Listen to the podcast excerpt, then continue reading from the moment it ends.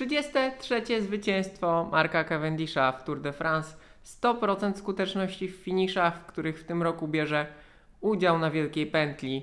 No i rekord Merksa na widelcu. Czy Brytyjczyk da radę? Czy dojedzie do Paryża? Eee, zobaczymy, zobaczymy. Ja nazywam się Marek Tyniec i codziennie wieczorem komentuję dla Was najważniejsze wydarzenia na Wielkiej Pętli.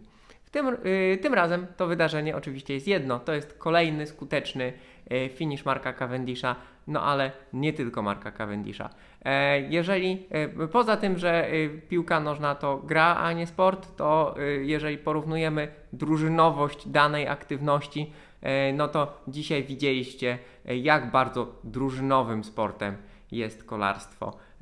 Genialna drużyna, słuchajcie, naprawdę genialna drużyna, która zrobiła dla Cavendisha rewelacyjną robotę. Już rozpatrując sam finish, świetna robota e, Juliana Filipa. Przypomnijmy, to Mark Cavendish potwierdza na każdej konferencji prasowej. Słuchajcie, mistrz świata pomaga mi wygrywać. Francuski mistrz świata na Tour de France e, pomaga mi wygrywać etapy.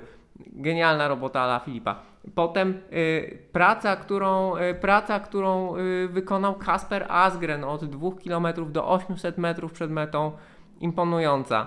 E, następnie Ballerini e, do tego ostatniego łuku około 300 metrów przed metą i Michael Morkow, który pod wiatr doprowadził Cavendisha do tej granicy 200-150 metrów przed metą, ale też rewelacyjne wykończenie ze strony Brytyjczyka, chociaż trzeba pamiętać i wziąć pod uwagę, że Wout van, Aert był stosunkowo blisko, był najbliżej i może być tak, że po przejechaniu Mont i kolejnych gór Cavendishowi nie będzie już tak łatwo, więc nie zakładajmy, że on będzie wygrywał wszystko do końca, chociaż niewątpliwie jest dominatorem sprintu na tegorocznym Tour de France. Yy, wielki powrót, jeden z większych w historii sportu, to już wszystko słyszeliście.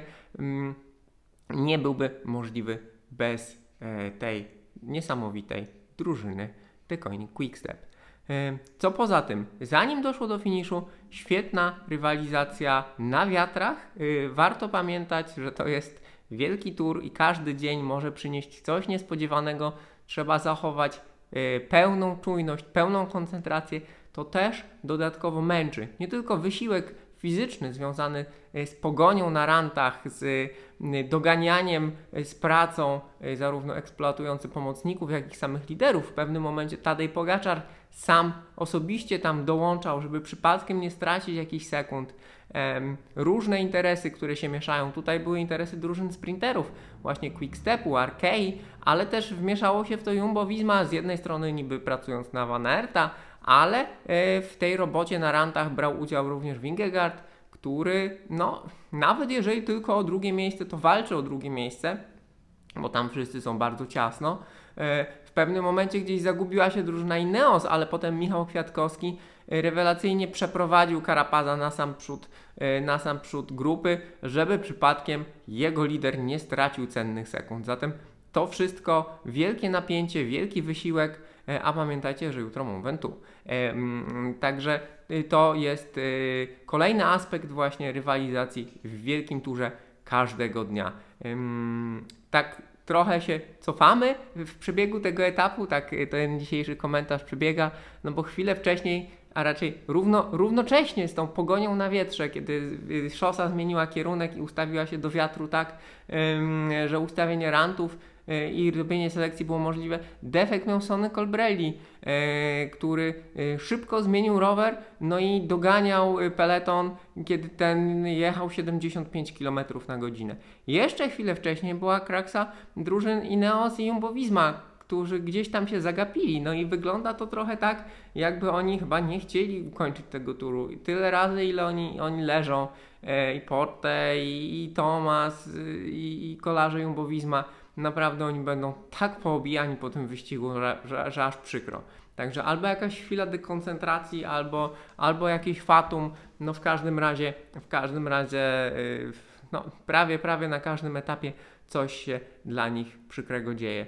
No i jeszcze chwilę wcześniej yy, lotna premia, lotna premia, która była usytuowana na takiej lekkiej górce, yy, w związku z tym Cavendish tam stracił punkty do Colbrellego i Matthewsa no ale odrobił to, odrobił to z nawiązką na mecie.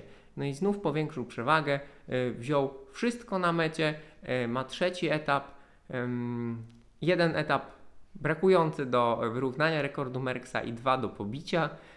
Y, Zobaczymy, jak ciężko mu będzie przejechać przez góry jutro. Dwa razy Mont Ventoux, potem gdzieś tam w perspektywie jeszcze Pireneje. To wszystko będzie dla niego niełatwe i trzeba pamiętać, że jeżeli chce mieć zieloną koszulkę i chce pobić rekord Merksa, to musi, w zasadzie to musi dojechać do Paryża. Em, bo, bo myślę, że etap po Mont Ventoux będzie raczej dla ucieczki niż na sprinterów, taki stricte sprinterski, kolejnego dnia dopiero w Carcassonne. Em, Zatem e, no, musi, musi stawać na głowie Mark Cavendish, żeby ten wyścig ukończyć, a widać było, że przy takim tempie w górach sprinterom wcale nie jest lekko. E, Tak jak powiedziałem, jutro Mont Ventoux dwa razy, wcześniej jeszcze jeden podjazd, to będzie ekstremalnie ciężki dzień, ciężki dzień dla wszystkich, dla Tadeja Pogaczara będącego pod presją, dla jego pomocników i dla e, tej szerokiej grupy zawodników walczących o drugie miejsce, a może tych, którzy będą chcieli Pogaczara zaskoczyć. E, Tyle ja dzisiaj, świetny finish, świetny sprint, e, Cavendish cały czas w gazie, drużyna The Koenig Quickstep e, jedną z najlepszych w historii, jeżeli chodzi o rozprowadzanie sprinterów. Dziękuję Wam uprzejmie i do zobaczenia jutro. Cześć!